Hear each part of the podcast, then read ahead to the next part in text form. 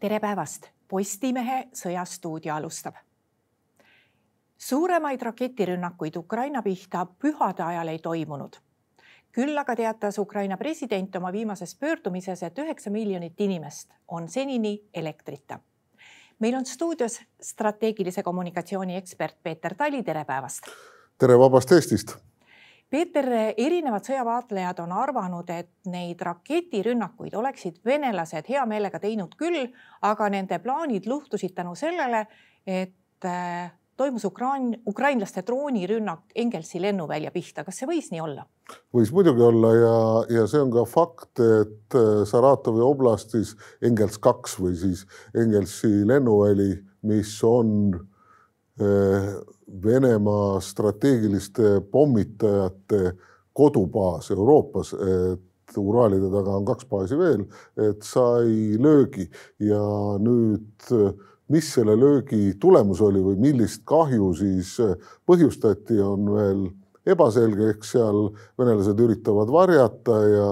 ukrainlased mängivad ka seal sõjauduga, aga fakt on see, et Eh, juhtimiskeskus sai pihta ja see juhtimiskeskus tegelikult planeerib siis rünnakuid ja kui nüüd täpsemalt rääkida, et siis rünnatakse tiibrakettidega, tiibraketid on kas laevade peal või siis lennukitel ja see ei ole ka vähetähtis nagu tuumaheidutuse suhtes, mis Venemaal on või tuumasõja pidamise suhtes, sest eh, tuumarelvad siis baseeruvad kas õhus lennukitel, siis äh, äh, laevadel, strateegilistel allveelaevadel ja maa peal ja seda kutsutakse Truuma triumviraadiks. aga nüüd see konkreetne Engelsi lennuväli on siis koduks kõige moodsamatele strateegilistele pommitajatele Tu sada kuuskümmend, äh, mida kutsutakse siis ka, millel on hüüdnimi valge luik peale, peale Leebet. ja, ja seal on ka pommitajad Tu üheksakümmend viis, NATO koodnimi on siis Karu Bier. enamus neid strateegilisi pommitajaid on kahes baasis, siis Amuri ja Irkutski oblastis Uraalide taga, aga just nende moodsate pommitajate kodubaas on see Engels, pluss veel ka need äh, kaugpommitajad Tu sada kakskümmend, parandan, Tu kakskümmend kaks M viis, et mille üks polk oli ka okupatsiooni ajal äh, Tartus, et seda diviisi juhtis siis äh, Tšohhar Dudajev, aga neid lennukeid, kui palju seal on, ei ole teada, neid Tu kahtekümmet kahte M, M kolme aga noh, rääkida üleüldse sellest relvasüsteemist, et siis need Tu saja viiekümned, et neid äh, erinevatel andmetel siis Venemaal töökorras relvastuses oli kuusteist või seitseteist tükki. eelmises rünnakus ei tea, kui palju viga sai, kaks-kolm, aga, aga see juba näitab, et, et kui suur kahju see on. Pluss kogu see hooldus, et need lennukid vajavad ka hooldust. Ja nüüd Venemaa liigutas oma strateegilised äh, lennukid siis sealt Engelsist ära. Ja noh, äh, seal Engelsis oli ka siis selle operatsiooni juhtimine, sihtemärkide arvutamine ja, ja koordineerimine, et, et, et Venemaa oli oma kaliiber äh, tiibrakette kandvad laevad viinud Mustale merele noh, nii laskepositsioonidele, aga, aga siis ukrainlased kasutasid või ütleme, tegutsesid meisterlikult ja kaitsesid oma tsiviiltaristut, sest ega siis Venemaa ei ründa ju sõjalisi objekte, et ta ründab äh, tsiviilobjekte, haiglaid äh,, elamukvartaleid ja siis kriitilist infrastruktuuri ehk siis seda kõike, mis on seotud elektri ja soojusega. Kas siit võib teha ka järelduse, et kui see lennuväli nagu ükskord pihta sai, siis venelastel ei ole noh, nagu sa ütlesid, nad peavad liigutama sealt oma tehnikat ära ja, ja ilmselt ei ole seal väärtuslikumaid asju enam üldse väga ohutu hoida, et kuhu neil seal liigutada on, et kui no, palju seal, mis see alternatiiv neil üldse on? no kõige loogilisem on, et nad viivad lennukid ära Uraali tagustesse lennuväljadesse, ühe lennuvälja nimi on ka või on asula nimi, kus lennuväli on, on ka Ukrainka, et kuidagi nii kummalisel või, või, või nihestunud kombel. et, et see on loogiline, et kuna seal on olemas äh, tagamisüksused ja kogu see know-how, kuidas nende strateegiliste lennukitega ümber käia. nüüd teisest küljest jälle äh, see teeb kulukaks lennukite õhku tõusmise ja lendamise ja siis nende rakettide väljalaskmise, et mis need on, need KH sada üks ja viiskümmend viis, noh, mis on viiekümne viie modifikatsioonid eh, siis, aga, aga kui Venemaa tahab oma lennukeid eh, kaitsta ja hoida ja kindlasti, kuna need on sellised äh, Äh, tuumarelvakandjat ka, et ta peab seda tegema ja, ja siis on äh, loomulikult kohandada mingisugune lennuväli, mis on äh, ütleme niimoodi nendest Ukraina droonide löögiulatusest äh, kaugemal, aga selle kohta hetkel avalikest allikatest informatsiooni ei ole. aga mis on nagu tegelikult veel nagu ohumärk Venemaal, et tegelikult äh, ka Moskva võib olla siis selles äh, tabamuse piirkonnas, mida ukrainlased võivad äh, sihikule võtta oma droonidega. et, et linnulennult on ju see Engelsi lennuväli mingi kuussada, seitsesada kilomeetrit. et see on päris kaugel Ukrainast. kui me vaatame nüüd, et Äh, mis rindel maa peal toimus, siis äh, Hersoon pühadepäevade jooksul sai ikkagi kõvasti pihta, sest ta on ikkagi venelaste suurtükitule läheduses. ja Hersooni siit äh, venelased hööveldasid kõvasti ja lõid kraadidega, et noh, mis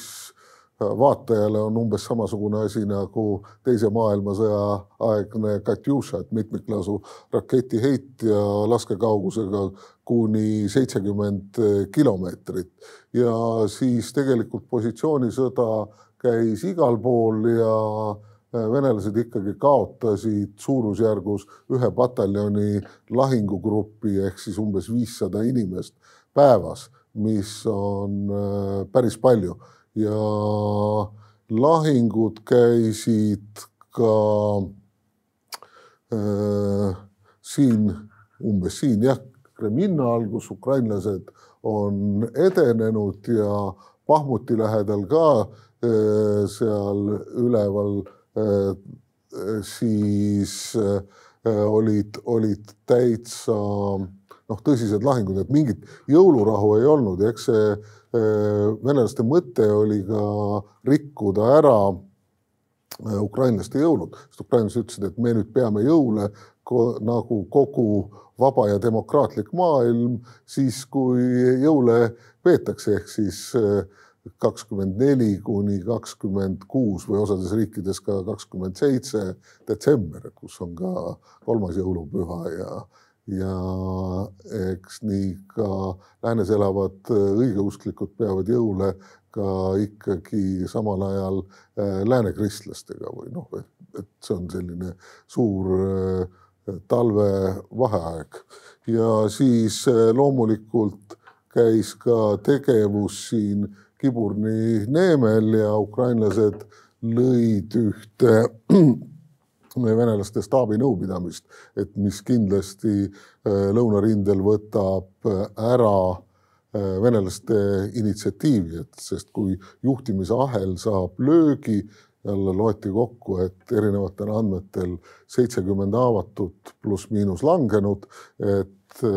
staabile või staabinõupidamisele see on suur löök. loomulikult kõik juhid asendatakse, aga see teadmine, rutiin, selle asendamine võtab aega ja no mida on nüüd näha, et, et rinne ühtepidi seisis, lahingud käisid, inimesed äh,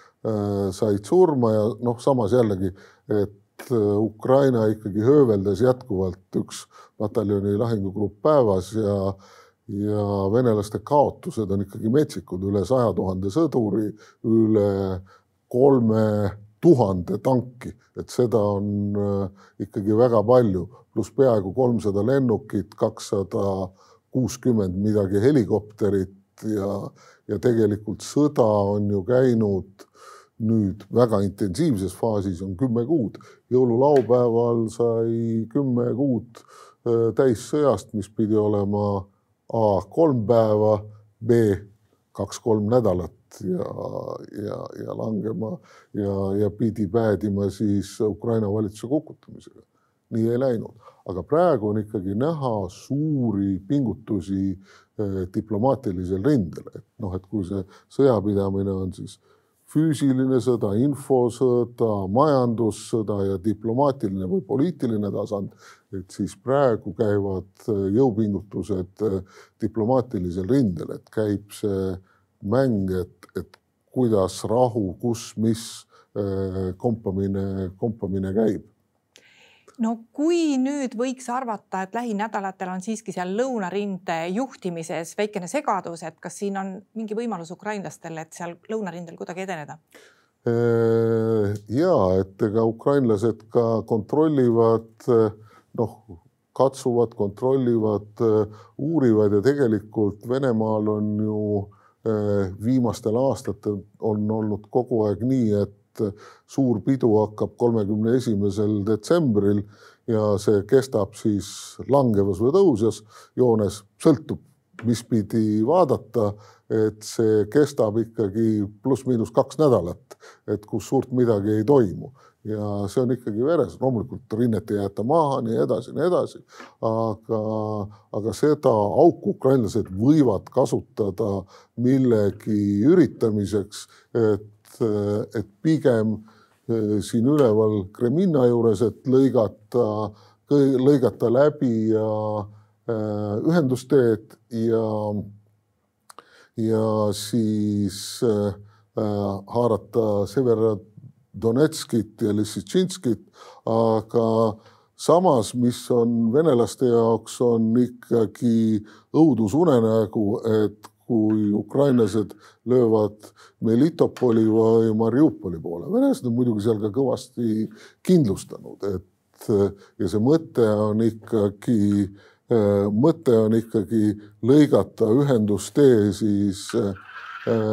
Venemaalt ära ja avaldada survet Krimmile. samal ajal ikkagi kindralstaap, nüüd Vene kindralstaap ja kindral Gerassimov on saanud ikkagi Putinilt korralduse, et aasta lõpuks täielikult okupeerida Donetski oblast. no mina ei tea, kuidas nad seda teevad, seda ei paista küll kuskilt mujalt, aga jah, need diplomaatilised pingutused on muidugi tähelepanuväärsed, et Putin mängib seda, et me tahame rahu ja seda on ka näha, et Venemaa on katki ja tal on vaja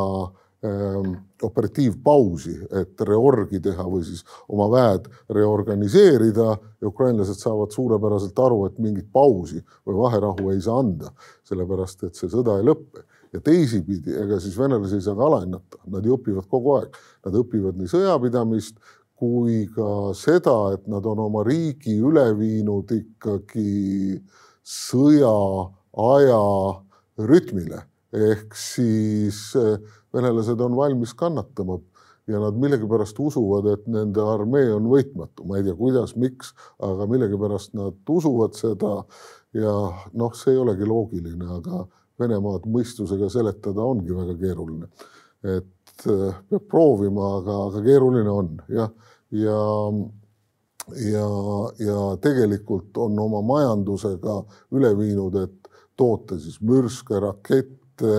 ja kogu seda sõjavarustust, võtta järjest ladudest välja tanke. noh, loomulikult nad ei saa neid upgrade ida või tõsta nende taset, sellepärast et nad ei saa äh, vajalikke komponente läänest, aga ikkagi läbi mingite riikide nad smuugeldavad, selles mõttes on koostöö Iraaniga hea, et on hea õppida, mida iraanlased on teinud. Ja samas ka esimesed ešelonid, esimene ešelon vähemalt on äh, liikunud ähm, Põhja-Koreast Venemaale, seal on raudteeühendus, et see raudteeühendus pandi seisma Covidi ajal, nüüd on uuesti ešelon läinud ja me täpselt ei tea, mis sinna läks, et see jutt on, et me Põhja-Koreas õmblesime venelastele vatjovkasid, noh, et talvesõda ja et oleks ikka soe. jumal teab, mida nad sealt veavad, sellepärast et äh, laskemoona, relvastust ja varustust, niisugust äh, Vene oma on, äh, on Põhja-Koreas ikkagi väga palju no seda soovunelmat, et jõuda Donetski oblasti administratiivpiirideni, seda on esitatud korduvalt ja korduvalt ja nagu sa ütlesid, seda nüüd aasta lõpuks küll ei juhtu. nüüd teine koht, äh, millele sa ka tähelepanu juhtisid, on see, et äh, see Melitopol ja kuuldavasti on venelased ka läbi Mariupoli toonud Melitopoli suunal äh, täiendavaid jõude. iseasi on need, mis see tähendab, mis see täiendav jõud on ja palju sealt tuua on eks nad ikka toovad jah, ja ega me ju seda täpselt ei tea. Ja, ja, ja see Melitopol on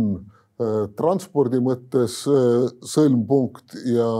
ja ka administratiivses mõttes sõlmpunkt, sest Vene avalikkusele on väga raske seletada, et kui pidi olema edukas väike võidukas sõda ja kuidas siis on olnud Venemaal nii suured kaotused Kiievi all, Harkovi all ja on maha jäetud ka Herson, et küllap see on ka üks põhjus, miks Putin oma pika äh, tele siis pressikonverentsi, mis on tunde kestnud, on, on ära jätnud ja seda Melitopoli on kindlustatud ka kõvasti. Ja no mis uudis tuli ka hiljuti, on see, et Venemaa kavatseb äh, suurendada oma relvajõudude isikkoosseisu ühe koma viie miljonini et ühe koma viieteistkümnest äh, miljonist ja, ja muutub ka ajateenistuse kutsumine, et enne kutsuti alates äh, kaheksateistkümnest aastast, nüüd siis plaanitakse alates äh, kahekümne ühest aastast, kavatsetakse juurde luua üks armeekorpus, diviise, noh, ajateenistuse kutsumise mõte on see, et tõmmata nagu emotsiooni maha, et et lapsi ei saadeta sõtta, vaid lähevad juba nagu äh, täiskasvanumad noorukid, aga noh, kuidas see kõik juhtuma hakkab äh,, äh sellest ettekujutus puudub, aga noh, trummipõrinal on sellest äh, räägitud ja, ja kuidas seda relvajõudude koosseisu tõsta, et kas Venemaa äh, üritab äh, uuesti läbi viia varjatud või varjamatu mobilisatsiooni, eks nad ikka proovivad jah aga noh, ega tõsta nii otsustavalt või noh, nii suurte numbritega isikkoosseisu tundub olevat päris raske ülesanne. samas vaadates Venemaa elanikkonda sada nelikümmend miljonit, et siis see rusikareegel on, et